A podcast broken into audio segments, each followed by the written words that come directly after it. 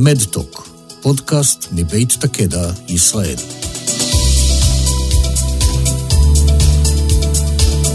שלום לכולם וברוכים הבאים למדטוק, פודקאסט מבית הקדע ישראל.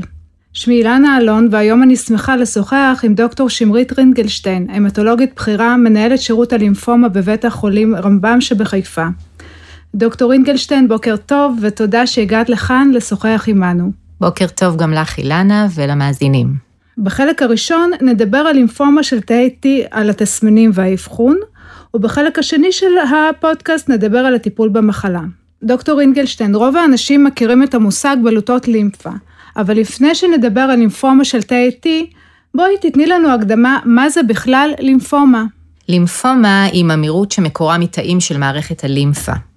מערכת הלימפה היא בעצם חלק ממערכת החיסון שלנו, והיא מורכבת מתאים שנקראים לימפוציטים.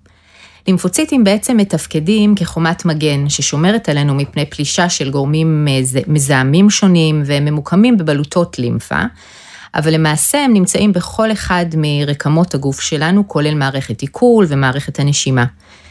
וכשמשהו משתבש במערכות האלו, במערכות הבקרה על החלוקה של התאים האלו, נוצרת ממאירות, והממאירות במערכת הלימפה נקראת לימפומה.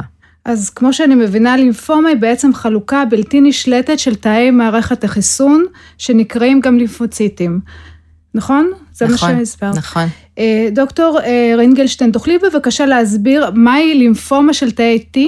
אז בהמשך למה שתיארנו קודם על לימפומה באופן כללי, אה, אם התאים שנקראים תאי T, שהם בעצם מרכיב טבעי ותקין של מערכת הלימפה, אם הם יוצאים מבקרה, נקבל לימפומה של תאי T. הלימפומה שמקורה בתאי T היא מחלה לא מאוד שכיחה, ואם מקובל לומר ששיעור המקרים של לימפומה בכלל בארץ הוא כ-17 איש ל-100 אלף תושבים, שזה אגב אחוז גבוה מאוד ביחס לעולם, אז מתוך סך הלימפומות, הלימפומה של תאי T מהווה בין 10 ל-15 אחוז מהמקרים.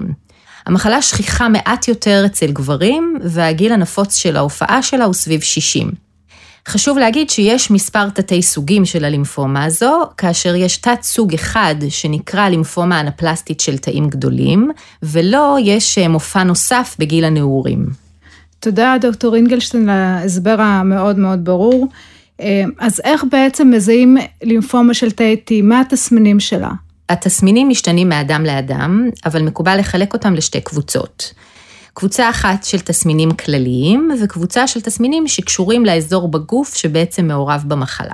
התסמינים הכלליים יכולים לכלול ירידה במשקל, הזעות לילה, ממש ברמה של צורך בהחלפה של מצעים ובגדים, חום מסיבה לא ברורה בשעות הערב, גרד או יובש של העור ולפעמים אפילו פריחה עורית. הקבוצה השנייה של התסמינים שקשורים בעצם לאתר שמעורב בלימפומה, יכולים להיות הגדלה לא כואבת בדרך כלל של בלוטות לימפה, או תסמינים שנובעים ממעורבות של איבר מסוים בלימפומה.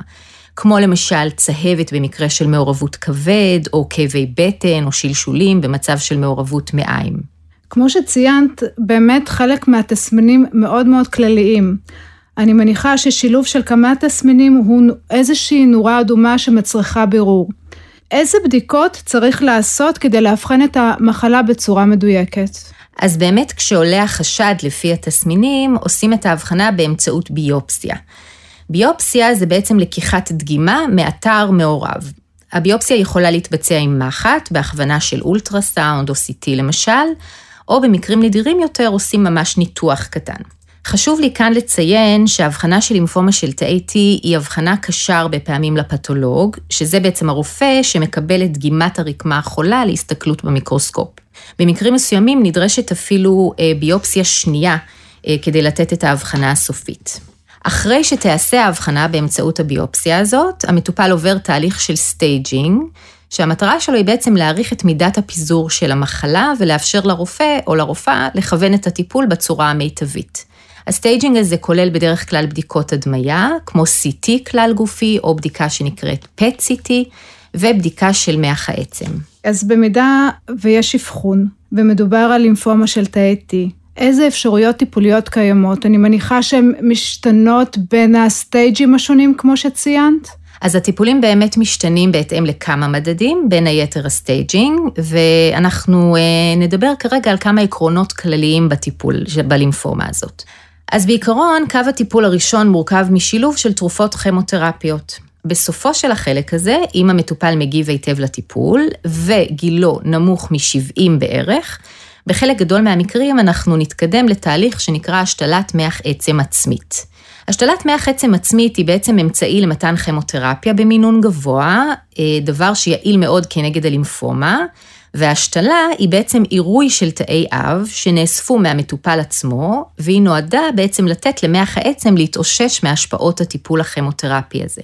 מה קורה אם מי שאינו מגיב לטיפול שתיארת, הוא קיבל כימותרפיה ועבר השתלת מח עצם ואין עדיין שיפור? מה קורה אז? האם יש לך טיפולים נוספים בארגז הכלים שלך? אז מי שלא מגיב לטיפול הזה, או מתקדם, כמו שציינת, יכול לקבל משלבים כימותרפיים אלטרנטיביים.